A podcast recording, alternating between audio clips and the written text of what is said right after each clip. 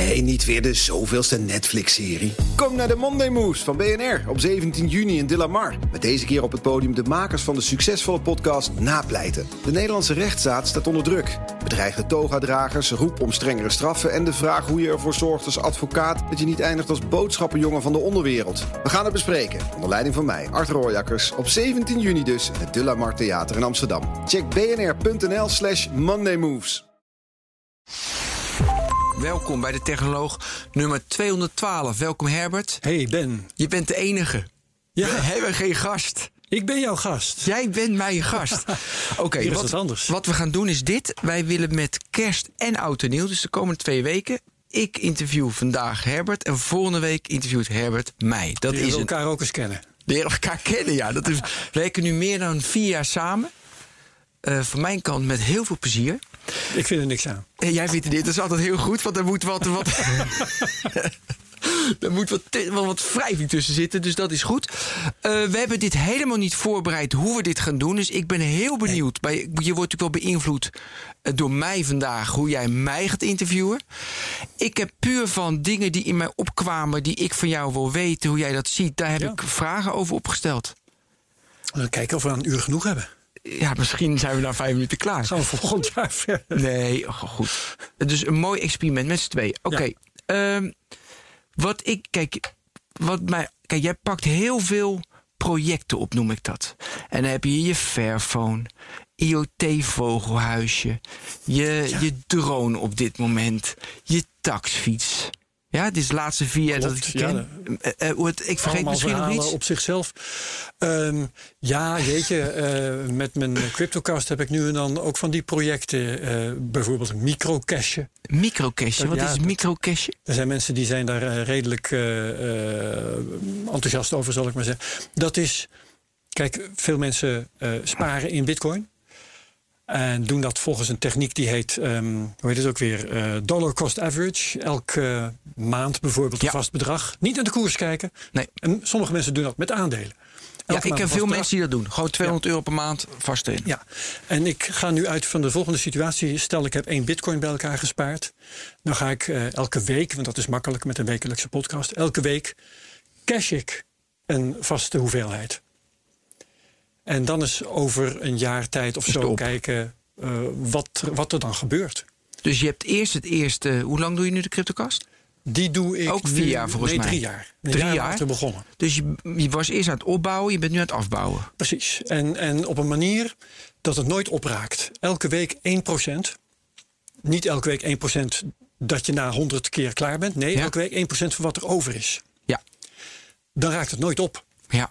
Dan heb je na, eh, ik heb het uitgerekend, eh, als je dat. ehm, na 50 weken heb je geloof ik nog 70% over van je oorspronkelijke hoeveelheid. En wat brengt dat experiment jou?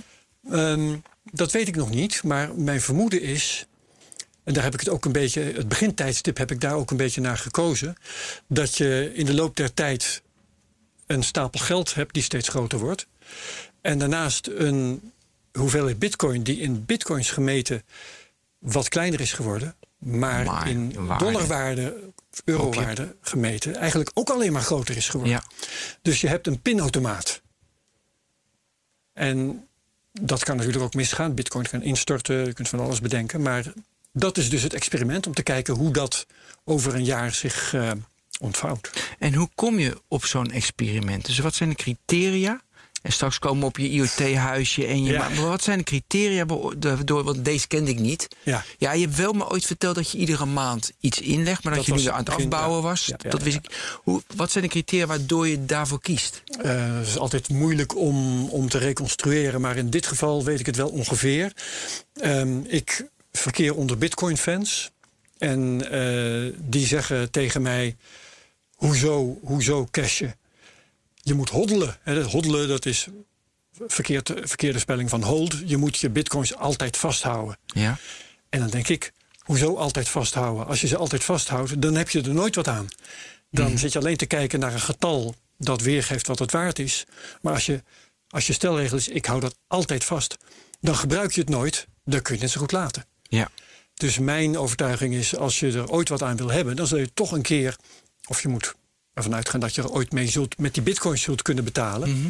Maar dan, ik ga er toch gemakshalve vanuit dat je dan ooit een keer moet inwisselen. En daarbij speelt mee, dat is wel grappig, grappig detail, dat ik ouder ben dan de meeste bitcoin-fans. Mhm. Dus eh, nou, ik ben 62, hoe lang zal ik nog leven? Eh, even 20 jaar doe eens- minimaal. ja, doe eens een greep, 20 jaar. Ja, eh, wil ik er wat aan hebben? En ik ben toch het liefst mijn erfgenamen voor, zal ik maar zeggen. Ik gun mijn erfgenamen wel wat, maar niet alles. Dan moet ik er toch gewoon op een dag euro's van maken. Ja. En dan sta je voor de vraag: wanneer is het goede moment? Nou ja, dan denk ik dus, eh, ik weet het goede moment niet. Je kunt niet in de toekomst kijken. Nee. Doe je op een dag dat je alles inwisselt, dan heb je grote kans dat, je, dat het het verkeerde moment blijkt te zijn geweest. En toen heb ik dat microcashje bedacht. Eh, want dat is een manier dat je een, een piek zeker meepakt. Je hebt ook zeker bepaalde eh, hoeveelheden die je niet Maar heb jij dat bedacht of dat was toch wel ergens? microcashje heb ik bedacht. Ja. Helemaal, Allerlei jij bent de owner die ik daarover, ja, die ik daarover spreek. Dus nog- van, oh, wat een idee. Wereldwijd is dat... Weet ik niet. Nee, zeg, En- maar ik voel- is vast wel een wereldburger geweest ergens ooit die dat ook- Claim dat dan. Claim dat. Het Eh, woord heb ik zeker bedacht. Ja, precies. Ja. Eh, maar goed, je criterium is dus iedereen zegt ho eh, holde, holde, holde. Ja. En voor jou is dus een criterium dat je het leuk vindt om dan juist niet te doen. Ja, dat, dat is misschien wel een aardige manier om ernaar te kijken. Ik vind het wel leuk om andere dingen te doen dan de massa. En in dit geval dus anders dan de massa van die vrij kleine groep Bitcoin-fans. Wat trekt jou in eh, de hele cryptocurrency wereld? Want ik wil eerst vertellen dat een beetje, waarom ik een beetje ben afgehaakt. Ja, Omdat het op een gegeven moment alleen maar over geld ging. En ik weet dat Ja. moet je niet doen. Maar het, weet je, als je over crypto hebt, heb je het over. Ja, heel gaat toch over weer geld.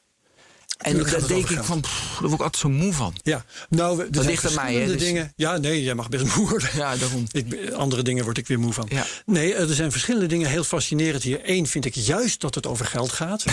Ja, tuurlijk. Ja, eh, geld is interessant. Ik laat me ook graag betalen. Ehm, ik, eh, maar eh, gratis geld vind ik eh, zo mogelijk nog leuker. En dit is eh, een, een waanzinnige kans. Die zeker eens maar in je leven zich voordoet. En misschien zelfs maar één keer in een eeuw of zoiets.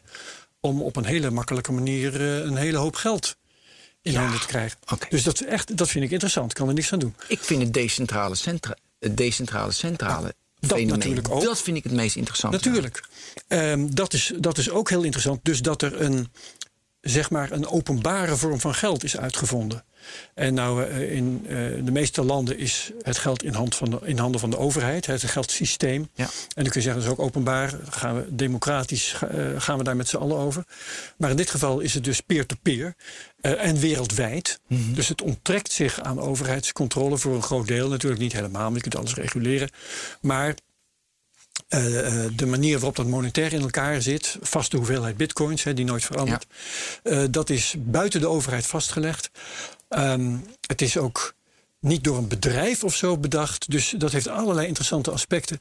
En er komt nog iets bij, waar het mij heel erg aan doet denken, is de geboorte van het World Wide Web. Ja, dat aspect is interessant. En dat is vreselijk interessant, omdat ook toen, net als nu, er werd gezegd van dit- is eh, een, een, een systeem dat is van iedereen. Ja. En dat gaat hele mooie dingen teweeg brengen. We hebben daar toen in eh, een van onze eerste cryptocasts, sorry, een van onze eerste technologen, Ja. met iemand nog over zitten praten. Dat was Matthijs Hermans. Ehm, over eh, de mooie dingen, nou, dat, dat de overheid geen macht meer heeft over het geld. En dat het eh, de kans geeft aan allerlei bedrijvigheid. Net zoals voorheen in 1995 gezegd werd: dat web gaat het onderwijs prachtig maken. En het gaat eh, het politieke systeem heel mooi maken. Want mensen worden veel beter geïnformeerd. En allemaal van dat soort ideale, idealistische eh, ideeën. En je weet hoe teleurstellend dat is Precies. uitgepakt. Ja. Want we hebben nu te maken met nou ja, de surveillance staat van de overheid uit. We hebben te maken met bedrijven die ons bespioneren. En de commercie heeft alles in handen. Ehm, dus ik vind het heel spannend om te zien hoe dat bitcoin-systeem, hoe zich dat nu ja, misschien op dezelfde manier gaat verkopen aan de commercie, maar misschien ook wel zich handhaaft. Dat is het spannende van dit Waar moment. zie je nu al elementen van centralisatie optreden? Ehm, nou, bijvoorbeeld bij eh, de kantoren waar je bitcoins in euro's of dollars kunt omwisselen. Ja. Die worden op dit moment heftig gereguleerd. Ja. En de bedrijven waar je in bitcoins kunt beleggen, hè, eh, die contactpunten tussen het bitcoin systeem, dat heel erg onafhankelijk is, en De traditionele financiële wereld, die wordt op dit moment gereguleerd. Ja. En daar gaat de overheid zijn eh, stempel op drukken. En daar gaan, gaat ook de commercie zijn stempel op drukken. En dat is een, eh, een eh, open vraag of de onafhankelijkheid van dat bitcoin-systeem in stand blijft. Ja. Ja. Met alle zegeningen die dat met zich mee zou kunnen brengen. Maar ik heb daar een hard hoofd in, omdat dit soort peer-to-peer openbare systemen zijn meestal vrij weerloos. Ehm, omdat je vroeg of laat toch, hoe noem je dat ook weer, de tragedy of the commons krijgt. Ja. Waarbij het eh, voor een individu toch eh, aantrekkelijk is om zich een steeds groter eh, deel van die taak toe te eigenen. En de gemeenschap daar weinig tegen, tegenover kan stellen. Ja. Nou ja, je begon zelf met je, mic- met je micro, hoe noemde je het? Micro... Microcashje. microcachen. Maar ja, je hebt natuurlijk ook de Fairphone gehad. En je, je drone, nu met kerst. Iedereen geniet nog steeds van jouw kerstkaart. Want eigenlijk ben je natuurlijk ook heel beroemd geworden door je kerstkaart. Kun je iets vertellen over je, je drone-initiatief? En ten gevolge daarvan je kerstkaart? Ja, nou het gekke is, die drone heb ik al jaren geleden gekocht. Ja, dat is een, een technologie. En ik heb er dus jarenlang niks mee gedaan. Waarom niet? En waarom kocht je hem? Ik heb hem gekocht eh, omdat ik wel vond dat ik een drone. Sterker nog, ik had al een drone. En ik doe dat vaker. ehm, als er eh, een, een nieuw soort product is, dan Ja, koop ik. testen. Dan, precies testen. Maar dan koop ik het liefst om te beginnen de goedkoopste shit die er is. Ja. En met een goede reden. In de plaats goedkoop eh, is goedkoop. Maar ook omdat goedkoop vaak een beetje rommel is. En het is een handige manier om uit te vinden wat je echt nodig hebt. Dus dat heb ik ook met telefoons gedaan en met eh, van alles en nog wat. Eerst gewoon goedkope rommel kopen. Dan uitvinden wat je echt wil hebben en dat dan kopen. En ik had dus een goedkope slechte drone gehad. Die kon ik nooit langer dan een halve minuut in de lucht houden. Want dan viel hij naar beneden. Niet te besturen. Omdat hij snel heen en Niet gestabiliseerd. Niet gestabiliseerd, ja. Dus dan moest je met de knopjes doen. Eh, en toen wist ik dus, ik moet een gestabiliseerde drone hebben. eh, die, als je niks doet, zichzelf in de lucht houdt. Ja. Nou, mijn tweede drone had dat. Eh, toch, Even merken dat mensen ook weten van... eh, Oh, ik heb een DJI gekocht. Een DJI. Dus een dominant merk. Ja. Met de Phantom 1 en 2 heb je uit heb mijn hoofd zeg ik Phantom dat- 3. Je hebt de Phantom 3 En zelfs tussen zijn ze bij, weet ik het, vier of vijf. Oké. En andere types die niet eens meer Phantom heten. Dus het is allemaal veel verder. Ja. Dus die heb ik gekocht. Eh, maar het was wel een beetje... Om er wat mee te doen, alleen experimenteren, testen? Of had je ook echt een doel? Geen idee, nee. Geen doel. Eh, vliegen, mooie foto's en video's maken. Want ik wist wel dat dat mogelijk was. Nog heel even, doe je vaker dingen zonder doel? Bijvoorbeeld met je crypto. Dat is eigenlijk meer onderzoeken en meer testen en onderzoeken. Dan dat je hebt van ik wil heel veel geld maken. Of ik wil video's maken. Of ik wil eh, de beste telefoon hebben. Of ik wil weten hoeveel vogels in en uitvliegen. Met IoT, dat komt zo. Ja. Heb je vaak een doel als je met zo'n experiment begint? Of ik heb vaak, vaak wel een doel. wel een doel. Ja, vaak wel, maar vaak ook niet. Oh, dat, Ik dat heb, is van nee, alles wat. ik heb ook wel eh, bijvoorbeeld eh, videocamera's gekocht. Verschillende, zelfs een hele eh, rij videocamera's heb ik versleten, zou ik bijna zeggen. Maar juist niet versleten. Want dan kocht ik ze. En dan deed ik er vervolgens eigenlijk maar heel weinig mee. Omdat het eh, met ehm, tegenwoordige videocamera's heel makkelijk is om opnames te maken. Maar om daar vervolgens ook een serieus filmpje van te maken dat leuk is voor mensen om naar te kijken. Dus dat een verhaal tijd. vertelt of mooi is. Of, kost veel tijd. Ja. Want eh, nou ja, dat, dat zie je ook aan die kerstkaarten van ons. eh, want we, we steken daar serieus werk in. En Wil je even nog- vertellen wat die kerst... Even, eh, even de beschrijven? kerstkaart van dit jaar eh, laat een beweging van die drone zien. Die, die begint eh, ergens hoog in de lucht. Kijk je naar de horizon. In eh, Zellem, hè? Zeddam, om precies zijn. Oh ja, dat, is het. Als je kijkt naar de horizon in de avondschemering, dus je ziet nog wel wat van de omgeving, maar de lampjes zijn ook al aan. Hoeveel dagen kostte het dat je de juiste avond had... dat je dat mooie avondlicht had? Ik heb geen idee meer. Eh, het is ook heel moeilijk om die tijd in kaart te brengen, want ik ben. Nee, ik kan me zo voorstellen dat je iedere avond klaar zit. Shit, weer bewolkt. Nee, dat, niet. Nee, dat viel niet. Oké. Ik ben wel. eh, ik ben bijvoorbeeld. eh, op een dag ben ik naar buiten gegaan om met die drone op en neer te vliegen. Om in de gaten te krijgen wat de juiste beweging was. Ja. En wat de juiste richting was om naar te kijken. En hoe ik dat in vredesnaam moest doen als ik aan tafel zat met mijn echtgenote aan een soort kerstmaaltijd buiten. Want dat was het eindshot. Beginnen. Hoog in de lucht. En dan naar beneden. En dan eh, terechtkomen bij dat intieme, die intieme scène waar wij elkaar toeproosten op het nieuwe jaar. Eh, wat was de vraag ook weer? Eh, hoeveel dagen? Ja. Dus ik ben aan het testen geweest voor die beweging, gewoon bij daglicht. Uh, ik ben verschillende dagen naar buiten gelopen om in de gaten te krijgen op welk moment van de dag de, uh, het licht ideaal was. Dat ik dus die juiste combinatie had van het is nog een beetje licht, maar het is ook al een beetje donker. Ja. Ja, en toen moest het nog een keer mooi weer worden, want we wilden toch eigenlijk wel graag dat het er ook mooi uitzag.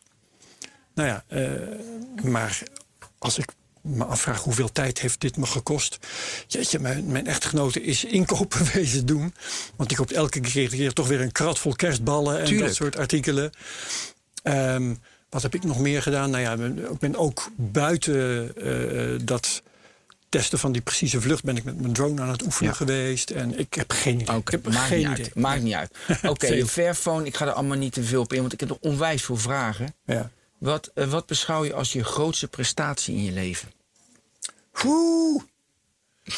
de andere kant. Kom maar even met een vraag, zeg. Ja. Wat vind je echt knap van jezelf? Uh, jee, ik wou dat ik over deze vraag had kunnen nadenken. Ja, misschien had ik dat van tevoren ja. moeten doen. Oké. Nou ja, ja. Ik, ik zal een mogelijk antwoord. Ja? Is uh, uh, dat ik uh, op een gegeven moment bij dit bedrijf een praatprogramma over ICT heb kunnen beginnen. Ja? Was dat zo Want moeilijk? dat ging niet vanzelf. Dat is best, best, zal ik dat verhaal vertellen? Ja, ja, vertel. Best een heel aardig verhaal. Um, ik was hier Want bij nu lijkt het logisch, hè? Over tech, ICT, weet je, dat is Ja, nu dat in hebben we 2020. gewoon, nee, maar het is interessant, hè? want tech is natuurlijk nu een aparte tap in het nieuws. Weet je, je business nieuws, buitenlands nieuws, eh, economie en tech. Dat, dat is pas sinds een jaar of tien. Ja, dus wij weten dat nog, dat dat toen, Ja. weet je, toen het kwam. Dus jij bent daarmee begonnen, onder Ja. andere. Ik heb hier ooit contact gezocht met Michiel Bekker-Kaarten, die oprichter en hoofdredacteur was. ehm, om, eh, om eens te vragen van, goh, eh, zal ik eens wat doen bij, bij jou, bij, bij BNR? En daar kwam een, eh, een column uit. Hij was toevallig op dat moment net op zoek naar iemand die een column kon schrijven Ja. over, was toen nog eh, internet geloof ik. Moest een column over internet komen. Ja. En hij had een sponsor, hij had alleen nog geen columnist. En toen liep ik binnen en, oh ja, nou weet je wat, doe jij dat maar. Doe jij het dan maar. En eh, toen ik dat eenmaal deed, toen heb ik tegen hem gezegd: Weet je, ik vind eigenlijk dat er ook een praatprogramma over ICT moet komen. En dat kan ik wel maken. Toen zei Oké, eh, er was op dat moment lag er nog velden vol zendtijd, uren zendtijd lagen er braak, hè, vooral in de avond.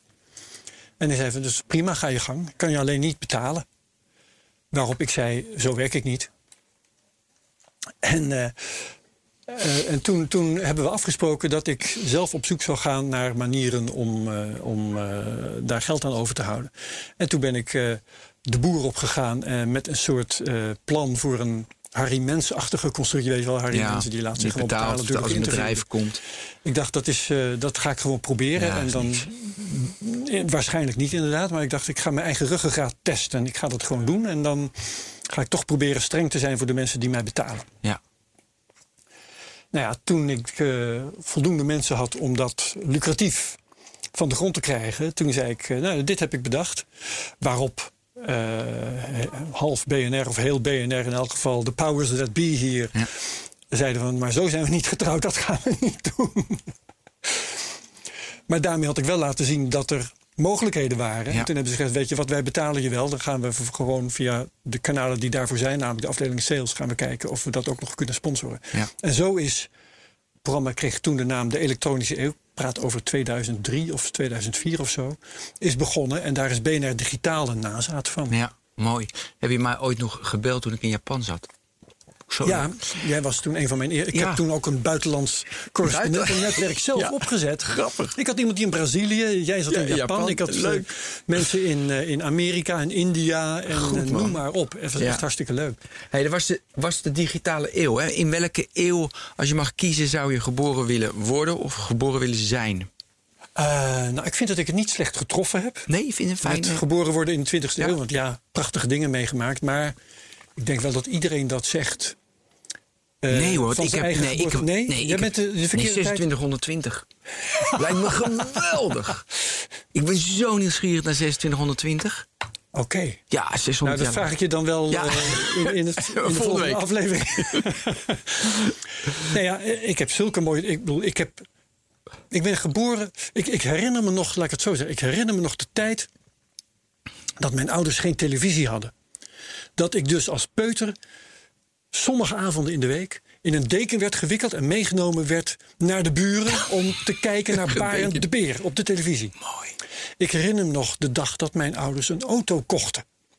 Ik herinner me nog de dag dat bij ons thuis telefoon werd aangelegd. Mooi. Dus, eh, eh, nou goed. Ja. En, en, en dat we alleen nog maar met de trein naar mijn grootouders komen. Nou, al die dingen. Dat heb ik allemaal binnengedragen zien worden, zeg Ja. maar. En dat is toch wel heel, heel Dat is, bijzonder. dat is heel leuk. Hey, en eh, we maken de technoloog met elkaar. In welke, want ja, mooi, je hebt heel veel geschiedenis met technologie. Want je Ja. bent 62 en je vertelt net over de auto. Is de auto, is de tv mooi. Welke technologische uitvinding of, ja, uitvinding of eh, zeg maar wat er ineens kwam... heeft je het meest aangesproken, fascineert je het meest, vind je het prettigst? Ja, dan eh, kan ik eigenlijk alleen maar internet noemen. Dat is, dat is zo'n bom geweest. Had je dat gelijk al door? Eh, Wanneer had je dat ik had- door, Ik dat het een niet bom door was? Dat, we- dat het zou worden wat het nu is. Ik denk dat niemand dat door heeft gehad. Ehm, maar ik had wel onmiddellijk door Steve dat ik Ballmer dat zeker niet. Wat zeg je? Steve Ballmer die had het niet door. Steve Ballmer had het, Die had het niet door. Bill Gates, hè? Die, Bill Gates. ja. Ja, dat eh, internet Ja, ja, maar schitterde. Steve Ballmer, volgens mij hoorde ik ook van de week een keer. Maar goed, doet hij niet. Zou goed kunnen. Steve Ballmer heeft ook de iPhone totaal daarom, verkeerd. joh, die- Nou ja, en nog veel meer. Ja. Eh, nee, ehm, het grappige is, mijn, ik weet het nog goed. Mijn toenmalige vrouw die kwam terug, die was in Utrecht geweest, boodschappen doen. Welk jaar was dat? Ik denk dat het, eh, het kan 94 zijn geweest of 95. En die kwam terug en die zei van, het was zo grappig. In Utrecht stonden mensen eh, eh, op de Oude Gracht of zo... stonden diskettes uit te delen. Heb ik voor je meegenomen, want het eh, leek me wel iets voor jou. Planet En dat, Nowhere. Nowhere. Dat was een Utrechtse internetprovider. En die was dus gewoon aan mensen op straat diskettes aan het uitdelen van word klant bij ons. En ik had al eerder heel even internet gehad. Het is ook een leuk verhaal trouwens. Ik had contact met Rob Gongrijp. En nou praat ik over, ik denk over 1990 of zo. Ja? En eh, ik kwam voor hem voor andere dingen. Die hadden met eh, hacken van het telefoonnetwerk te maken. En op een keer zei hij van, dan moet je nog even meekomen naar mijn kamer, naar mijn computer hier. Dan laat ik je wat zien. En toen begon hij vage dingen te doen op een, zo'n zwart scherm met lettertjes, hè, de command line interface.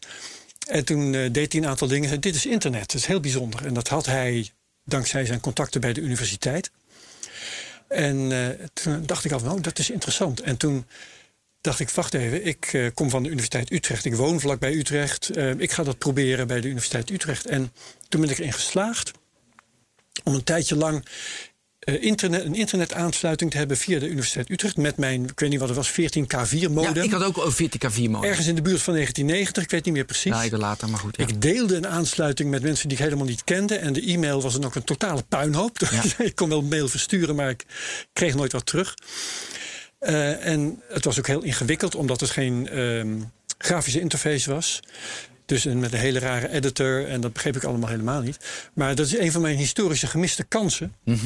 Dat ik toen niet Ja. daarop ben gesprongen. Want mensen die dat toen wel hebben gedaan, Ja. die hebben boeken geschreven die in de begintijd van het World Wide Web heel goed werden verkocht. ja, en die heb je bij die Maar goed, in, eerste. 19, ja, in 1995 kwam mijn vrouw dus thuis met zo'n diskette. Toen had ik inmiddels een computertje met Windows. En toen heb ik dus met veel moeite internet aan de praat gekregen met Trumpet Winsock en zo. Weet je wel, allerlei ingewikkelde dingen die je moest eh, installeren en beheersen om überhaupt verbinding te krijgen. Het kostte vrij veel geld, vijf gulden per uur Oh, dat weet ik niet meer. Maar dat je moest wel inbellen, ja. Dat weet ik wel. inbellen. Dus telefoonkosten. Maar Ja. ook nog vijf gulden per uur voor Ja. de provider. Dus eh, ja, dat zijn, waren echt avonturen. Maar ik had onmiddellijk door, dit is geweldig. Ik kan e-mail versturen. E-mail vond ik echt een van de allermooiste Ja. dingen. En natuurlijk dat World Wide Web. Waarbij je opeens toegang had tot eh, allerlei merkwaardige dingen. Websites die in de eerste tijd met z'n allen in een boek pasten. hè. Ik had een boek, Mhm. daar Ja, stonden alle ja. websites in. Ja. Maar goed, dat dus. Nou ja, maar waarom? Allermooiste. Ja, maar de, je doet, doet me heel. Kijk, ik had in eh, 95 ook internet, vond ik gaaf. Maar bij mij, ik weet nog het moment dat ik echt van, nou, nu verandert mijn wereld. Dat was dus niet 95, dat was in de trein van Sloterdijk terug naar Amersfoort, Koning Soest. En ik zat te wappen, negen- dat was in 2000. Oh, eh, wireless access protocol. Yeah. En ik zat te wappen op mijn 7110 en ik kon dus, ik, nieuwsverslaafd, ik kon het ANP-nieuws kon ik lezen. Ja. Nou, en da- eh, dus niet meer in de krant. Je had allemaal kranten nog. Ja, ja, maar ik ja, kon, ja. Het, ik kon gewoon alleen op mijn mobiel dat bekijken. En toen was ik. Toen ging bij mij echt alles. Gek hè? Dat Ja. iets waar je verslaafd bent, nieuws. En dan kan je dat heel makkelijk tot je krijgen. Ja, ja, ja. ja. En dan pak je hem. En eh, ik weet het verschil tussen jou en mij in dat geval. Maar wij hebben heel veel verschillen. Genoeg. Genoeg. Komen we nog op. Ja. Ehm, jij bekeek dat als, eh, als consument. Ja, en ook klopt. denk ik een beetje als zakenman. Ja. En ik bekeek het als consument natuurlijk ook. Ja. En als journalist. Ja. En voor mij was dat in 1995 dat internet eh, A, een ehm, instrument om mijn werk beter te doen, maar B, een onderwerp. Ja.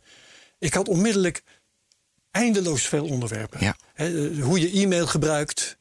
eh, dingen die je opeens kon bereiken via het World Ja. Wide Web. eh, allerlei apps. Nou, je kon in de G95 ook al meteen via webcams. Kon je, je kon, dat is een tijd lang mode geweest. Je kon mensen spreken die je niet kende.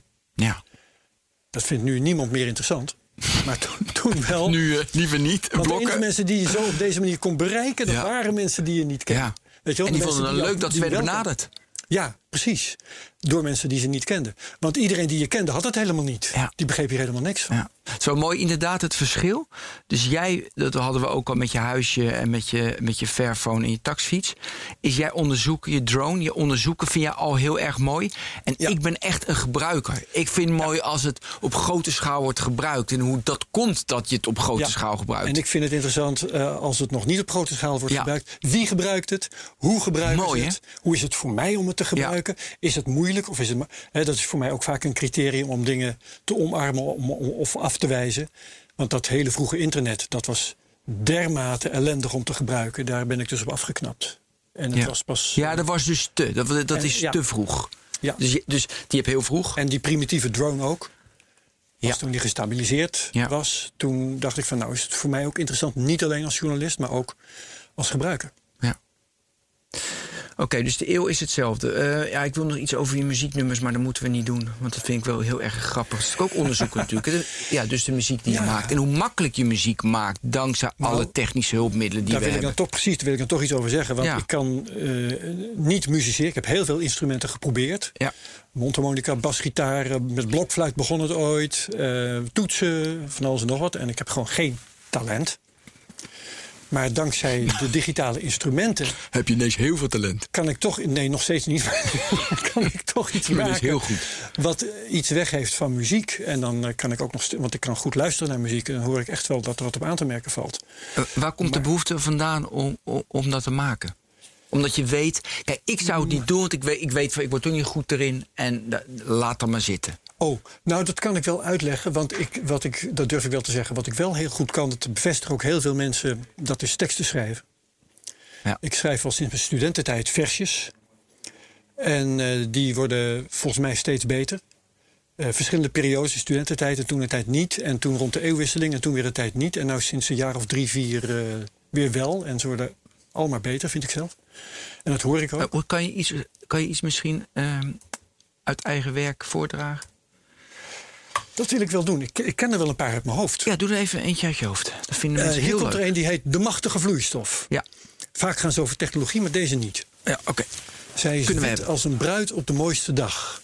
Koel als een kolkende beek. Wat klokt en klatert haar heldere dag, haar, haar heldere lach elke dag van de week. Zij geeft mij vreugde en energie. Zij is mijn remedie voor melancholie. Mijn liefste reikt mij zwijgend een kelk met die machtige vloeistof, volle melk. Het is het lokkende licht van de avondster waarin het geschreven staat. Van alle muziek, van dichtbij en van ver, weet de natuur hier de maat. Wolken bejagen het hijgende zwerk, kraaien bekrassen het dak van de kerk. Boomtakken zwiepen de runderen dol en de katten miauwen. De melk is weer vol. Zij schuimt en sist op de gloed van mijn vlam en brengt me haar heerlijke dromen. Mijn god, ik wou dat de melkboer kwam. De sappen moeten weer stromen. Weet als je komt dat ik knipoog en wenk. Doe me een krat, een pellet, een tank. Voed mij dan voor ik verweek en verwelk. Het kijkglas moet vol zijn, net als de melk. Hoe, kom je, hoe maak je zoiets? Ik heb geen idee. Nee, maar ik bedoel, ga je zitten s'avonds, s'nachts? Uh, hoe, hoe ontstaat jouw Dit is er toevallig één, die was er en deze is uh, 20 jaar oud of meer. Mm, uh, die was er zomaar opeens. Dat was bam. Heb je een bepaald ritueel? Maar nee, soms moet ik echt heel lang piekeren. Ik heb net een nummer gemaakt dat gaat over overheid en ICT. Die Ja. herinner je je waarschijnlijk wel. Staat op YouTube en zo. Ik zal het in de show notes zetten. Ja, uh, en dat is gewoon uh, het product van ik wil iets schrijven over overheid en ICT. En daar ga ik nu over nadenken. En uh, al duurt het weken, heeft ook weken geduurd. Ja. Stukje bij beetje schrijf ik dat vol. Ja.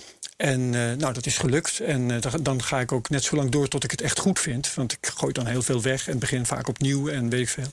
Mm -hmm. Dus dat is er eentje die is echt, uh, hoe, heet je dat, hoe heet het ook weer? meer door transpiratie dan door inspiratie. Ja, en daar geloof je ook in? Kan ook. Ik bedoel, het kan op de ene manier en op de andere manier. Andere Het is niet altijd hetzelfde. Hey, um, denk je dat. Dicht jij de mens unieke eigenschappen toe? Dat dit kan een AI nooit, nooit verbeteren? Of, of wat is jouw visie daarop? Uh, nou, dat is heel gevaarlijk, hè? Ja, maar ik vind die, ik vind die discussie wel even ik, goed. Ja, ik maak altijd de vergelijking met uh, de schaakcomputer. Uh, het is heel lang zo geweest dat er werd gesmaald over de schaakcomputer. Van, het begon met schaakcomputers kunnen niet schaken. En toen, ja, ze kunnen natuurlijk wel een beetje schaken, maar een grootmeester verslaan ze nooit. Ja. Oh ja, grootmeesters verslaan ze toch. Nou, weet je wat? De wereldkampioen verslaan ze nooit. Tot ook dat gebeurde. En toen was het, ja, maar je herkent de schaakcomputer toch aan zijn stijl. Nou ja, dat is een voortdurend terugtrekkende beweging geweest. Ja. Die we nu meemaken met uh, um, dingen als schrijven. En, en dingen als herkennen, ja. patronen. Uh, patroonherkenning was ook heel lang iets van. Nou, patroonherkennen, dat doen mensen. Computer ja. rekent wel. Nou ja, dat, dat hou je dus niet vol. En dan. En ja. nu kan een computer best wel een rijmpje maken, denk ik, maar dan lach je je kapot. En uh, ja, maar als, uiteindelijk... je, als je maar lang genoeg volhoudt, als de programmeurs maar geïnspireerd genoeg zijn, dan zullen ook echt goede gedichten, met of zonder rijm, dat kan mij dan verder niet schelen. Die zullen echt ook wel door uh, computers geschreven kunnen worden. En, en, en verhalen en nieuwsartikelen, analyses, ja? erop. Ja, dat geloof ik wel. Ja, en bewustzijn? Een menselijke eigenschap. Iedereen zegt van. Uh, dus wordt kunstmatige intelligentie ooit zo dat ze nou, gewoon dat ze ook bewustzijn kunnen maken wat de mens heeft? Uh, dat, vind ik, dat vind ik heel moeilijk. Uh, maar eigenlijk, eigenlijk, denk ik, eigenlijk denk ik van wel. Omdat het volgens mij toch een kwestie is van voldoende complexiteit. En jeetje, uh, heeft een hond bewustzijn? Heeft ja. een hamster bewustzijn? ga, ga de ladder maar af. Hè. Heeft, tot en met heeft een bacterie bewustzijn. Ik ben een keer een hoogleraar biologie tegengekomen in Amerika. Die hield strak vol dat een bacterie ook bewustzijn had. Is heel raar, omdat wij het associëren met een centraal Ja. zenuwstelsel. En dat heeft een bacterie echt niet. En moet je. Dus Dus, dus jij denkt het wel. En ja, dus heeft een van computer mij- geen bewustzijn, dan heeft het internet misschien wel bewustzijn, weet je wel. Nou, dat vind ik de laatste tijd zo'n interessant onderwerp. Een mier heeft een mierenhoop bewustzijn. Een mier, misschien niet. Maar Ja. Douglas Hofstadter, hè, Gödel Escherbach, die kent aan een mierenhoop Ja. bewustzijn toe. Nou, dat vind ik eh 2020, want stond wij ook een beetje terugkijken in het jaar. Ik vind dat de hele complexe systemen, dat we de corona, het virus, dat is complex. Dat kunnen we niet, eh, niet lineair verklaren. En ook een, eh, een economie is een complex systeem. Dat Ja. is heel erg. Heeft een economiebewustzijn, heeft, heeft de aarde bewustzijn. Heeft de aarde, het klimaat heeft dat bewustzijn. Dus Ja. zeg maar in die hele systemen. En wij kunnen natuurlijk, weet je, we, al onze oplossingen zijn heel vaak, kunnen we niet denken in complexe systemen. Dus, dus jij zegt uiteindelijk kunnen dus kunstmatige intelligenties. Nou, dat vind ik interessant. We hebben ook een technologie daar De- over hieraan gekoppeld trouwens de definitie van bewustzijn. Hè? Je Ja, kunt het hebben over gaan we dat bereiken, ja of nee. Wat is jouw definitie? Maar wat, wat vind je eigenlijk bewustzijn? Dus eh, ja, dat is. pff, wat ik bewustzijn vind, Ja. ja. daar heb ik eigenlijk ook geen idee van. Ja, ik heb een beetje van dat je dus naar het zelf kan kijken. Zelf, precies, wat ik net zeggen, zelfreflectie. Ja, die. Ja, en eh, de- Maar- daarover kunnen nadenken, daar vragen over kunnen stellen. Wat ik dus in die complexe systemen. Even, eh, nu komen de vragen die ik zelf, waar ik zelf helemaal over voorloop. Ik hoorde een Big Five eh, van Big Tech. Die trouwens, mag ik niet bij BNR zeggen, maar die ik matig vond. Maar er was. Er De, zijn ook wel technologen die matig waren. uiteraard. Ja. Moet, we hoeven toch niet de techno- de technoloog te evalueren. Toch? Nee, nee, nee, dat gaan we nu zeker niet doen. Nee, nee, nee, als mensen prima. Volgende kerst of zo. Volgende kerst. Nee, maar er was de eerste dag was er een gast die had bij Facebook gewerkt. En die vertelde wel interessante dingen. Die had die van 2011, die komt van dat designbureau. Dat had Facebook, had Facebook overgekocht. 2015 of 16 is hij, is, hij, is hij er weggegaan. En die vertelde, en die vond ik heel interessant. Facebook, de algoritme is zo ingewikkeld. Niemand weet meer. Ja, dat hebben ze ook vaker gehoord. Niemand kent het niet. Ja. Niemand, één mens, snapt het niet meer. Maar het is niet alleen daar. Dat is ook bij Alleen algoritmes die eh, sollicitanten beoordelen Juist, juist. Of, of rechtszaken beoordelen. Dus, maar dat wordt natuurlijk onwijs interessant. Groot ethisch probleem. Dan wordt het interessant, want we zeggen: oké, dus de algoritme, niet, niet één mens eh, die kent het. Het is een collectief die snappen met elkaar ongeveer, hè, ook niet precies hoe het zit. En nu zegt Europese gemeenschap: ja, big tech moet eh, veel meer transparant worden, moeten de algoritme vrijgeven. Wat Ja. geef je vrij? De invloed van iemand die een search doet, heeft invloed op uiteindelijk de uitkomst. Ja, het is elke dag anders. Elke dag anders. Ja. Nou, dat vind ik dus vraagstukken. Ja, dat is fantastisch. Ja, nee. ehm, en ook als je, nou ja, weet ik veel. eh, systemen die het verkeer regelen. Straks, weet je, dat is eh, zo'n bekend probleem rondom de zelfrijdende auto. Ja. Hoe, hoe laat je die ingrijpen als er een botsing dreigt? Dat is dat wat, ja, ik vind het eigenlijk een non-probleem hoor. Maar eh, laat je hem linksaf gaan naar een groepje kinderen. Ja, ja, die hebben we gehad in de technologie. ouderen, Ja, ja, ja. rechtsaf naar dat ene kind. Ja. Dat Ehm, Stanford-experiment. Erg veel eh, humbug, maar dat is misschien een apart onderwerp om het een keer over te hebben. Ehm, maar de, de software die dat beslist, daarvan wil je toch eigenlijk wel graag dat je op zijn minst weet hoe die werkt. Nou, zolang je die tot stand laat komen eh, door middel van neurale netwerken, ja. die groeien eh, Door dankzij data Ja, en door input. ervaring en zo. eh, op, op, een, op een genetische manier mogelijkerwijs, hè, door kruisen en, en, en nazaten hebben. Dan weet je niet hoe het werkt. Dan is het een black box. Precies. En dat is een groot probleem. Daar heb ik geen oplossing voor. Maar het is op zijn minst nuttig om vast te stellen dat het zo gaat. En dat het een probleem is. Dat je eigenlijk wil dat het anders is. En Ja, Moeilijk. En, ja, moeilijk. En dan zou je dus mee om moeten gaan zoals jij met je drone. eh, met crypto, met je, met je, hoe heet dat? Je Fairphone, je vogelhuisje. Hoe jij daar experimenteel mee omgaat. Maar dat kan allemaal geen kwaad. nee, en bovendien zijn het hele simpele vraagstukken. Hele simpele vraagstuk. Nee, maar Hoe ik raak doe ik Google kwijt, experimenteel. Maar experimenteel mee omgaat. Maar Ja. met dat soort grote vraagstukken, een auto, maar ook Google search, eh, eh, weet je, Facebook. Ja. Dat is een grote probleem. Ja. Nou ja, Dat is te heftig. Weet je, dat is het comfortabele van mijn situatie. Ik ben soms best blij dat ik journalist ben en deze vraagstukken alleen maar hoef te benoemen.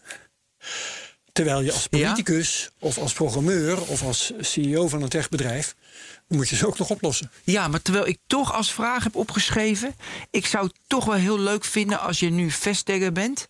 en je moet wel die reguleren. Wat mooi was, ze begon namelijk... dit is wel een beetje actueel, maar dat mag natuurlijk in een audio-uitzending. Ze Ja. begon, vond ik wel heel mooi. Ze wist geen vergelijking te maken. En, te- en toen zei ze, ik moet denken aan het eerste stoplicht... Weet je, het eerste Ja. stoplicht was nodig in een stad in Amerika. Staat ik even, eh, ben ik even Ja. in, in, in Ohio. En dat was nodig om de auto's, anders werd het een zootje. Zij vergeleek de, regel, de regulering die ze nu proberen in Europa als een stoplicht te zien. Nu ben jij haar, wat doe je? Ze zeggen nu transparantie en al dat soort dingen. Ja. Nou, weet je, ehm, eh, dat, dat probleem van die zelfrijdende auto is, is wel een eh, goed probleem als, om als voorbeeld te nemen. Ja. Ehm, we hebben last van de illusie dat eh, dit soort dingen perfect opgelost kunnen worden. En als je van die illusie, afstapt, dan wordt het alweer een stuk makkelijker. Want je moet je realiseren dat eh, mensen dit soort problemen ook niet perfect kunnen oplossen. En dat het voornaamste waar je naar op zoek bent, is om het beter te doen dan mensen. En dat betekent, en dan kom je misschien weer terug bij, eh, nou ja, wat ik dan in sommige gevallen doe, eh, lekker experimenteren. Dat betekent dat je het experimenteel kunt oplossen. Dat je dus niet hoeft te zeggen: ik wil eh, dit beslismodel met deze boom. En als dit gebeurt, doe ik dat. En dan, want dan heb je ook nog last van de illusie dat je ehm, de, eh, perfect, over perfecte data kunt beschikken. Ja. Maar dat doe je niet, want als je een tegenligger hebt, dan weet je niet hoeveel mensen daar aan boord zijn. En als je een botsing krijgt, dan weet je niet wat de afloop daarvan is. Dat weet je allemaal niet. Maar je kunt wel een zelfrijdende auto bouwen En op een dag vaststellen na zoveel eh, rijuren dat hij minder ehm, ongelukken veroorzaakt en minder ongelukken meemaakt. Bijvoorbeeld ook omdat hij ze voorkomt dan anderen ze maken. eh, dan een auto met een mens achter het stuur. Ja. En dan heb je iets goeds. Ja, Dat je, dat, eh, dat je ethisch niet uit het verkeer mag houden. ja Want maar dan hou je het verkeer te gevaarlijk. Maar dat is dus echt een mentaliteitsverandering. Zodat je niet in alleen maar in een 0 en een 1 en een goed en een Ja. slecht denkt. Inderdaad. Maar dat het beter is, minder slecht. Dat je daarin denkt. En dat is best wel lastig in eh, hoe wij mensen gewired zijn. Eh, ja, wij zijn eh gewired op een bepaalde manier. Maar eh, dat is dan, dan wat jij bedoelt is, denk ik, eh, biologisch. Dat je op een bepaalde manier, dat je Ja, wij denken- mer- werkt. Dat is wel fijn, niet fijn. Maar we zijn ook als samenleving gewired. Ja. Doordat wij zijn gaan denken dat computers dingen perfect kunnen oplossen. ja, En dat we data kunnen verzamelen. En dat we dus perfecte data kunnen verzamelen. En dat zijn denkfouten. ja, Kunnen we intussen weten. Maar het probleem is een beetje dat eh, politici dat op, een- op een, een bepaald moment ook op een gegeven moment zich moeten beseffen. De- sorry, dat is Ja. een taalfout waar ik een erg grote hekel aan heb. dat moeten politici beseffen, ja, niet zich. ja, Ehm, en politici lopen wat dat betreft vaak wel een beetje achter. ja. Zie je veel als het over technologie gaat. Ja. Dat ze daar te hoge verwachtingen van hebben. Hoe zie jij, eh, is technologie. Dus naar mijn idee zorgt technologie voor vooruitgang. En dan ga jij natuurlijk zeggen van ja, maar wat is dan vooruitgang? Weet je wel, dat snap ik ook wel. Maar we zijn Maai me het gras maar voor de voeten weg. Nee, maar we zijn gezonder enzovoort. En, eh, terwijl het natuurlijk altijd een downside heeft. Maar eh, het, weet Ja. je, gemiddeld is het beter. Denk ik voor de mensheid geweest. Nou kan ja, dat ja, wel, ja, ja, ja, ja. kan dat eeuwig doorgaan? Zit daar een rem op? Ehm, ja, daar zit wel een eh, rem op, denk ik. Eh, wat zal ik daar eens eh, bij als voorbeeld halen? Nou, het verkeer bijvoorbeeld. Ehm, we nemen deze aflevering op, pal voordat we gaan praten met Carlo van der Weijer over het verkeer. Dat hebben we vorige week uitgezonden. Precies, maar we nemen dat, ja, maar die aflevering staat nu online, dat geeft niks. Asynchroon niet. Maar precies, dus. Maar op, op het moment dat mensen dit horen hebben, is het al eh, Ja. eh, losgelaten. Maar op het moment dat wij dit gesprek voeren, moeten we dat nog. Maar eh Carlo van der Weijer en zijn compaan Maarten Steinboeg hebben een boek geschreven over verkeer en technologie. En daarin staan, staat heel wat technologie-optimisme. Er staat ook heel wat relativering van technologie in. En dat het met onze verplaatsingen best wel een beetje minder kan zo langzamerhand. Dus ik denk dat eh, technologie ons heel veel voordelen heeft geboden, heeft gegeven op het gebied van mobiliteit. Maar dat we een punt hebben bereikt dat meer mobiliteit niet langer beter is. En dat heeft met van alles nog wat te maken, maar onder andere ook met eh, eh, de milieueffecten van diezelfde mobiliteit. Nou, omdat we geen goede oplossing daarvoor hebben. Omdat Ja. het ten koste gaat van het milieu. Maar ze zeggen ook, zonne... Kijk, ik zag vandaag nog een sche- eh, zonne-energie opwekken is zo goedkoop. En ze zeggen ook, straks gaan we gratis rijden. Zoals die vorige week hebben verteld. Terwijl we het nog niet he- hebben opgenomen. Ja. Omdat het rijden van een kilometer goedkoper is door data. En dat de energie gratis is door de zon. Zodat het geld oplevert als we ons Er zijn verplaatsen. zoveel complexe dwarsverbanden tussen deze twee podcasts... dat u moet oppassen dat de technoloog geen bewustzijn gaat krijgen. Ja. Pure complexiteit. Ja. Ja. Nee, goed. Maar eh, dus de technologie brengt veel voordelen. En soms eh, eh, gaat het over in een nadeel. Wat En moet sneller gaan? Wat moet sneller gaan? Ja, in de technologie. Dus wat moeten we afremmen? Dat slaat echt neer. Hou je daar alsjeblieft niet meer mee bezig. Dat kan, hè? Je kan, maar jij bent nu beleidsmaker. Jij bent opinieleader. Ja. Dus jij bepaalt mede waar mensen meer geld, meer energie in stoppen en wat niet. ja. Dus Nou, die- wat die- moeten we versnellen? Die mobiliteit kan wel een gra- een graadje minder. Eh, wat eh, sneller moet is het, eh, het duurzaam opwekken van energie. Want eh, in mijn ogen is het klimaatprobleem een van de meest nijpende problemen. Dat gaat de samenleving ontwrichten in mijn ogen. Is daar al mee bezig. Dus het klimaatprobleem is veel belangrijker dan, dan welk ander probleem dan ook. Alleen niet iedereen snapt het. En er zijn allerlei vertragende effecten, sociale effecten, die dat lastig maken. En jij denkt echt dat de mensheid daar, daar iets, iets aan kan doen? Ehm, ja, dat, dat kan wel. Maar er zijn verschillende dingen die dat tegenwerken. En één is ehm, eh, het inzicht dat dat zo is. Dat nog onvoldoende doordringt. Ja, dat is wel treurig, maar goed. ja maar ook het eh, ongelijk verdeeld zijn van de effecten. Zowel over de maatschappij, hè, want eh, nou ja, woon je in de bergen dan heb je er veel minder last van. Woon je aan de kust heb je er meer last van. Bijvoorbeeld. Eh, woon je in de woestijn of in de Nou, ik bedoel meer van iets aan doen, omdat natuurlijk in de grand scheme of things, denk even 4,5 miljard jaar. Mhm. Ja, weet je, dan gaan wij nu in een paar generaties proberen die temperatuur te laten zakken. Nee, maar Moeten we doen, hè? Daar ben ik helemaal voor. Ja, want die Heel 4,5 erg voor. Dat, dat de Maar dan stel je 4,5 twee generaties uit, hè? bestaat, is irrelevant. De tijdschaal die relevant is, is de tijdschaal Ja, als van de, mens- mensheid. Oké, 3,5 miljoen. Ja. Maar eh, wat bedoel ik mee te zeggen? Weet je, dan gaan we twee generaties uitstellen met een halve graad. Het doen, hè? Doen, hè? Ik doe mee. ja, Moeten we doen. Oké, top. Dus we moeten de, de alle technologie in eh, om, om climate change tegen te gaan. Daar moeten we vol op. Dus ja, al was het maar omdat het, omdat het rendement zal hebben. Ja. Omdat eh, een, een euro geïnvesteerd in het tegengaan van klimaatverandering... die krijg je ruimschoots terug. Omdat die klimaatverandering zoveel dure nadelen heeft. ja, Ontwrichtende effecten, eh, ja, noem maar op, bosbranden. dijken die je moet aanleggen, steden die je moet verplaatsen. Hele gebieden van de aarde die onbewoonbaar worden. Stukken van India en, en het Arabisch Schiereiland. En, en- Vond je ook afgelopen zomer, we moeten ook een beetje terugkijken op 2020. Die plaatjes uit Siberië. Ik heb zo'n fantasiebeeld bij Siberië Waar het opeens altijd. 30 graden was. Ja, Ja. nou, ja, dat methaan dat, eh, vrij gaat je, komen. dat daar- zijn curiositeiten. Jawel, maar het is- Noordpoolijs dat weg is. Ja, heb je, die plaatjes zijn is- ook... Daar word ik echt helemaal bang van. Want dat is niet alleen het weg zijn van het ijs alleen. Met eh, eh, het feit dat, de- dat de zee daar dan. Van, nou, de- daar stijgt de zee niet van trouwens. Dat is een natuurkundige eigenaardigheid. Maar doordat dat ijs weg is. Ehm, wordt er ook meteen weer veel meer warmte Warmer. geabsorbeerd. Ja, het is niet wit, ja. Ja. Hey, oké, en, Very welk, scary. en welke... Oké, dus we is meer in de zon, eh elektriciteit, opwekking op, de, op een goede manier enzovoort. Ja, dus daar moet veel meer geld en energie, veel, tijd, liefde in. Maar minder in. Wat is echt onzin waar we ons mee bezighouden. Echt onzin, kwam het vandaag toevallig weer tegen. Het is een vrij klein probleem, maar het is wel een leuk stokpaardje van ondergetekende. Eh, digitaal stemmen.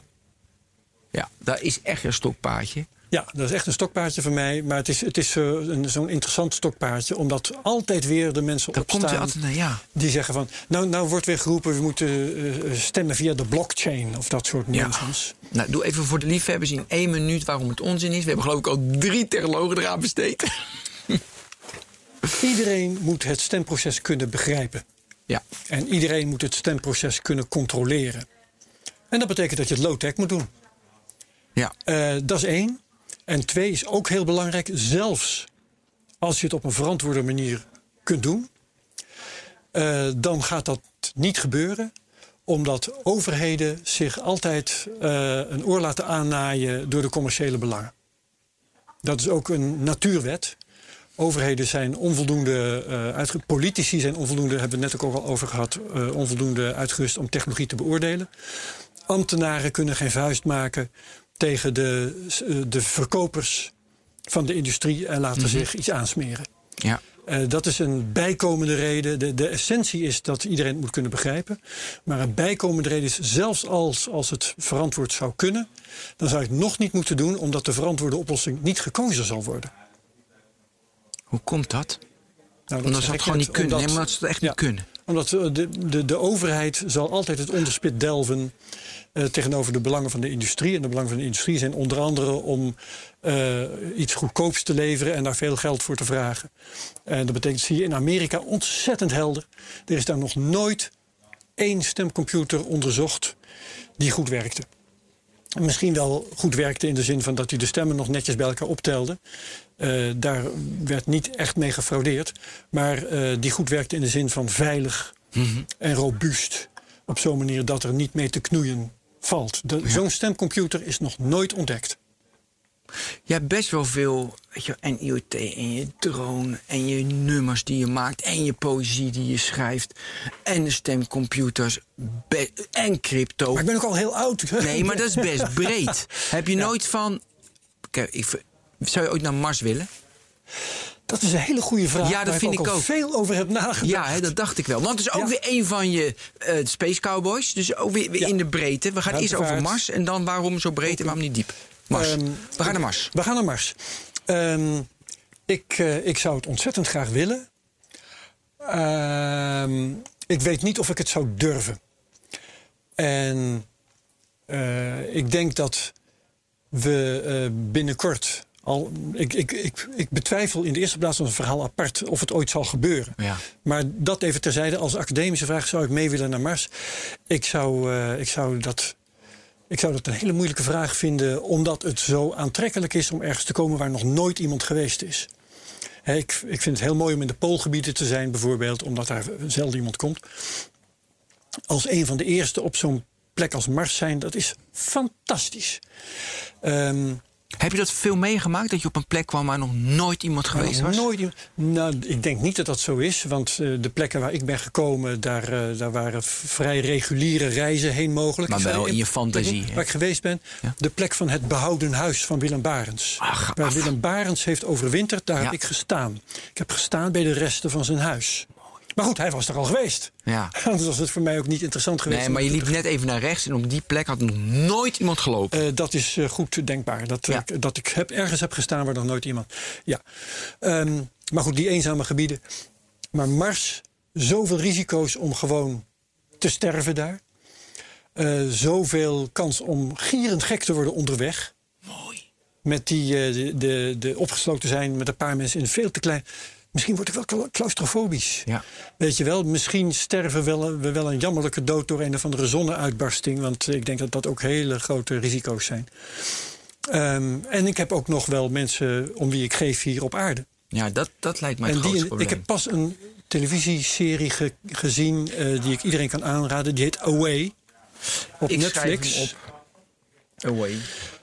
Prachtig eh, televisieserie. eh, ook stampvol rauwe emoties met fantastisch acteerwerk. Over een reis naar Mars. Een gezin, pa en moe werken bij NASA. Ja. Ehm, pa wordt aangewezen om thuis te blijven. Moe wordt aangewezen om gezagvoerder te zijn van de eerste vlucht naar Mars. En ze hebben een dochter. Nou, je kunt je al voorstellen wat daar allemaal kan gebeuren. Dat gebeurt ook allemaal.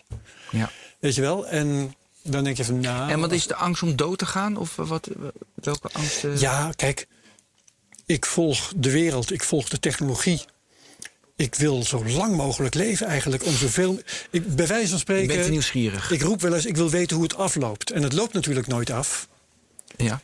Maar ik wil, zoveel, ik wil van zoveel mogelijk dingen weten hoe ze verder zijn gegaan. Dat betekent dat ik zo lang mogelijk wil leven. Ja, Dus ik wil ja. eigenlijk helemaal niet doodgaan op het moment dat ik nog niet had hoeven doodgaan. Ben je bewust in je leven, en nu kijken we wat terug op je leven, is altijd mooi. Ja, kan ik al. Ik, zo, ja, dat kan jij, hè? Nee, maar ik doe dat ook heel vaak. Ja.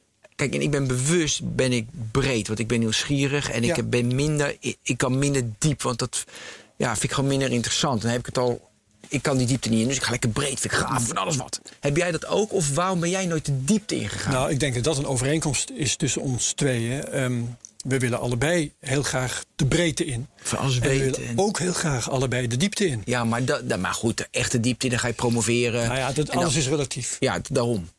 Maar ik, wil- ik vind sport ook fantastisch. Weet je wel, ik probeer ook zoveel Oh, mogelijk over je sporten. tax moeten we het zeker Nou ja, hebben. weet je, nee, ja, je tax is belangrijk. Volgende kerst. maar met, met, zo met hobby's jij. Ik heb helemaal geen hobby's. Dat vind ik zo grappig. Oké. Jij, je hebt Nou. heel veel hobby's. Oké, nou, dat vraag ik je de volgende keer wel. Ja. Maar ehm, Dan nee, is het volgende eh, week, die, die, die, ja, die, ik geloof het wel. ik weet niet helemaal Waarbij zeker. we Carlo weer terug. Als we per ongeluk Ja. uitzendingen verwisselen met het uploaden, dan kan het ook nog Dat wel anders mooi. Ja. Dat moet eigenlijk expres Ook doen. allemaal gebeurd. We moeten eigenlijk expres doen. Ja. Eh, ik, ik ben dus gek op de breedte. Ik, ik vind het heel leuk om zoveel mogelijk dingen te proberen. Ook verschillende sporten Ja. eh, en, en verschillende vakken. Toen ik natuurkunde studeerde, ging ik gewoon zitten bij colleges rechten. Ja, mooi. Omdat ik het zo leuk vond. Ja. En, en dat soort zaken. En ik heb, eh, dat, dat zul je ook wel ergens zijn tegengekomen. Ik heb eh, groot rijbewijs gehaald en diploma vervoer gevaarlijke stoffen. En eh, noem maar gewoon op. allemaal leuk en interessant. Ja. Waarom zou je het niet doen als het kan? Hey, ik heb ook nog wat Tim Ferriss vragen. Pardon? Ik heb wat Tim Ferriss vragen. Oké. Ja, dat zeggen niks. Dat is, in- in nee, ja. Tim Vers, ja, ja, Ja, dat ja, is volgens mij een oplichter. Maar Ja, waarom? Dat is, Ja, ik luister bijna niet meer naar hem, of vroeger wel. Nou, kijk, die pretendeert dat hij kan leven van, eh, van vier uur werk in de week. Die werkt gewoon... En waarom kan hij leven van vier uur werk in de week? Omdat hij een boek heeft geschreven over vier uur werk in de week. Ja. Anders had hij dat nooit gekund. Ja. En dat is de, de mensen uitleggen eh, hoe je geld kunt verdienen er en daar je geld mee? mee verdienen. Zo vermoeiend allemaal. Ja. En al die seven steps Al to die succes en wat je moet doen. hulpboeken en Wat al dat gelul allemaal. Ja, allemaal Hoe pretenties komt het dat jij dat, vind ik veel interessant. Hoe komt het dat jij dat ge- gelul vindt? Want ik vind dat ook. Maar niet, iedereen vindt het fantastisch. Dan moeten we dus nu de Seven Steps to a Successful Social Media Campaign. Denk ik, rot op. En over een jaar is het allemaal weer anders. Ja. Ehm, ik eh, denk dat ik kan zeggen, en iemand, iedereen mag het daarmee oneens zijn, maar ik denk dat ik kan zeggen dat ik dat doorzie. Omdat ik, eh, omdat ik rationeel denk. En als ik dat soort eh, verhalen hoor, dan denk ik: oh ja, eh, waarom denk je dat dat zo is? En wat heb je gedaan om te weten dat dat zo is? Ja. En dan kom ik bij zo'n type als Tim Vers al vrij gauw erachter dat het circulair is. En dat hij kan uitleggen, eh, zo, zo kun je in vier werkuren per week de kost Nou verdienen. Dat hij dat kan omdat, alleen maar omdat hij dat boek heeft geschreven. En niet om een andere reden. Nou, nou, hij heeft soms wel, want soms luister ik wel, want hij heeft gewoon goede gasten. Dat ook weer clichémaat. Maar goed, even een vraag.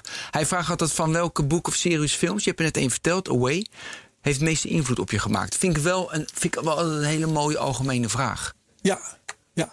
Eh, invloed. Nou, eh, nou zo'n Away is dus een heel goed voorbeeld. Ja, omdat het heel- ook gaat over in je iets. leven. Echt gewoon life-changing. Dit boek of serie, wow. Ehm, nou, eh, een ander voorbeeld is, is Contact. Van, eh, dat, naar een boek van Carl Sagan. Dat is ook een science Oh, ja, fiction ja, ja. film. Niet, niet dat ik alleen maar op de science fiction kick hoor. Maar dat vind ik ook een heel mooi eh, verhaal.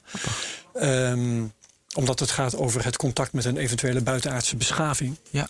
Hoe je dat krijgt.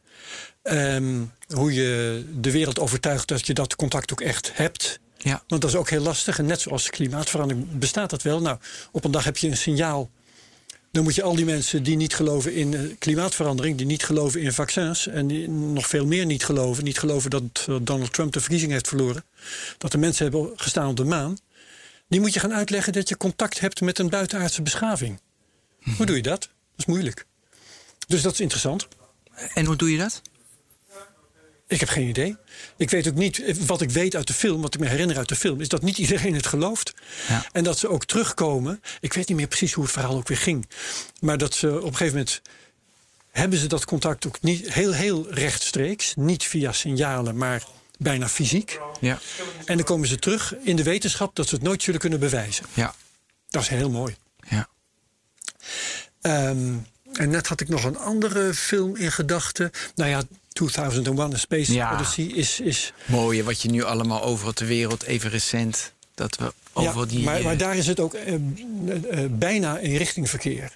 Ik geloof dat pas in een latere versie, dat, ehm, eh, een versie in, in een vervolg, dat David Bouwman, die dus eh, spoorloos verdwijnt in deel 1, dat hij weer terugkomt. En eh, nou ja, dat is een, dat is een apart Hm. Ja, verhaal. maar, we- maar dat soort constructies die zijn verschrikkelijk mooi en interessant... omdat ze hele fundamentele vragen stellen over eh, eh, nou ja, hoe communiceer je met mensen... hoe overtuig je mensen, hoe verloopt je leven. Waar besteed je veel te veel tijd aan en waar, waar veel te weinig tijd aan? Veel te veel tijd aan twitteren. De laatste tijd. Eh, dus, Leg dat- mij Twitter nou eens uit. Nou, jij ik weet toch je, ook? Ik krijg ook wel eens ik- likes van jou, dus maar jij- nee, twittert maar ik, duidelijk. ik- nee, maar ik heb nog steeds, na al die jaren, ik zit er echt al lang op. En dan maak ik list aan, weet je, want ik, ik volg best wel goede mensen, ik haal er best wel veel uit. Ja. Maar die, de, de, de interactie aangaan vind ik heel vermoeiend. Nou, dat, dat Dus kan leer mij dat zijn. eens. Mensen- Doe even de 10 steps to, to be successful. Oh, nou, stap 1. Ja. Creëer een fijne bubbel voor jezelf. Ja. Ik hoor mensen klagen, ik zie mensen ook klagen Ja, op Twitter over vervelende reacties. Nou, blokkeer die mensen. Direct, hè? Klaar. Daar heb je Ja. nooit meer last van. En kijk, je hoeft je, jouw bubbel hoeft niet te bestaan uit allemaal mensen die het met jou eens zijn. Dat is gevaarlijk. Maar interessante denken- mensen. Interessante mensen. Mensen die het met je oneens zijn op Ja. een prettige manier. Ja. Daar leer je van. Dat is ontzettend goed. Dus dat, dat moet je koesteren. Maar mensen die eh, vervelend beginnen te doen en Nee, schelden en nare grappen maken. Maar toch zeg je mee. te veel tijd aan Twitter. Ja, omdat Twitter beantwoordt aan eh, twee, eh, minstens twee, maar ik zal er twee noemen, belangrijke behoeftes. Eén is eh, om dingen te vernemen. Dus ik Ja, hoor allerlei nieuwtjes, allerlei meningen. alle- dus dat is eh, interessant en het vermaakt je. Het is Ja. entertainment. Maar je hebt er niet altijd wat aan. En het houdt je af van andere dingen die ook belangrijk zijn. Zoals communiceren met je dierbaren om je heen. Dus dan zit je achter dat scherm en sluit je je af en dat is slecht. Ja. Ehm, en het beantwoordt aan een andere basisbehoefte. Dat is namelijk jezelf laten horen. En daar eh, heb ik veel last van. Ik vind het v- soms dan, eh, dan lees ik iets en dan denk ik, "Wel, daar vind ik wat van. Moet ik even iemand vertellen? Nou, dan kun je eh, je vrouw daarmee lastigvallen. Of je kunt daar mensen mee lastigvallen die, daar misschien, eh, die dat misschien prettiger vinden. en als ze het niet prettig vinden, kunnen ze mij blokkeren of gewoon niet naar mijn tweet kijken. Dat is ook allemaal prima. Of niet klikken op die link. Maar eh, dat gooi ik dus in die bubbel van mij. Ja. Waar ik weet dat er altijd wel een paar mensen zijn die dat leuk vinden. En dat is, eh, dat, die verleiding is groot. En die is soms te groot. En dan besteed ik daar te veel tijd aan. En, te en waar besteed je te weinig tijd aan? Eh, wandelen met mijn vrouw bijvoorbeeld. Ja. Dat, doe, dat doe ik wel. Dat doe ik verschillende keren per week. Dus ik denk dat er mensen zijn die dat minder vaak doen dan ik. Ja. En daar besteed ik eh, te, weinig, te weinig tijd aan. En een andere ding waar ik te weinig tijd aan besteed is leren musiceren. Want ik heb allerlei muziekinstrumenten thuis. En ik wil nog meer van die liedjes maken. En daar ben ik alweer nou, een half jaar of zo Leef jij, heel, leef jij heel bewust? Denk je van, oh, nu moet ik mijn muzikale intelligentie trainen. Nu moet ik mijn hersens hier trainen. Of Ehm, dat niet? niet specifiek, maar wel heel algemeen. Ehm, toen ik eh, de 50 voorbij was, dat is ook alweer een eh, hele tijd geleden. Toen eh, begonnen mijn vrouw en ik met elkaar grapjes te maken over mijn midlife crisis. En dat ik wel gauw een motorfiets zou kopen. Ja, tuurlijk. Ja, dat heb ik niet gedaan, maar ik heb wel altijd gezegd: die midlife crisis. Dat is een heel belangrijk en goed verschijnsel. Dat je je niet speciaal als, als ouder wordende man, maar als ouder wordend persoon, dat je je even gaat afvragen: Ja. hé, hey, eh, over een tijdje is het voorbij, wat wil ik nog? En dat heb je heel bewust gedaan. Ja, En wat was het antwoord toen? bezig. Oké, daar ben je nog steeds mee bezig. Ja. En dat is dus meer muziek maken wat je nog wil? Ja, meer muziek maken, Wat nog, ehm, meer? eh, meer fietsen. Eh, ook, eh, ook de bergen in en zo. Ik ben gek op fietsen in de bergen. Nou, dat is die tax waar we het nog steeds niet over gehad hebben. gaan we ook niet meer Mensen, over Google TACX. Dat is, eh, Mensen, we gaan het niet over de tax hebben. nee, Dan krijg gaan je- ze allemaal dan- twitteren. Hebben het vertel over de tax. Dat is mogelijk, ja. Ehm, dus dat, ik moet een, een fijne verhouding opbouwen met mijn kleinkinderen. Ja, heel belangrijk. Dus nou, dan heb je drie, wil je er nog Nou, meer? nee, nee, dat is genoeg. Dus Ja, dat is de komende jaren ga je dat doen. Ja. En we gaan nog heel veel technologen maken. Ja, dat moet ik ook niet vergeten. Ja, nee, maar wij waren van En- plan. Dit maar, maar minder nieuwe podcasts oprichten, want dat is killing. Ja, dat is te veel. Nee, maar je ik heb hebt nu vijf drie. programma's die eh, Vijf? wekelijks... eh, nou ja, BNR Digitaal, crypto updates zijn op de zender. Oh, crypto updates heb je En dan heb nog. ik drie podcasts. Ja. Technoloog Cryptocast en Space Cowboys. Nou, dat houdt me... Ik heb, hou gelukkig tijd over. Ik heb geen complete, stampvolle werkweek. Ja. Maar het is toch iets meer tijd eigenlijk dan ik zou willen besteden aan werk. Dus ik heb te weinig vrije tijd. Ja, maar goed. Het is ook Oh ja, wel- mijn tuin. Mijn, eh, Het is ook nog belangrijk, Oh, je man. tuin. Nee, Ja, ja, ja. Hebben, we- hebben we geen tijd meer voor. Nee. Dit was de technoloog nummer 100 212. Hebben we het bedankt. Jij ook bedankt. Eh, tot de volgende technoloog. En dat we er nog heel veel mogen maken. Dankjewel. Hoi hoi.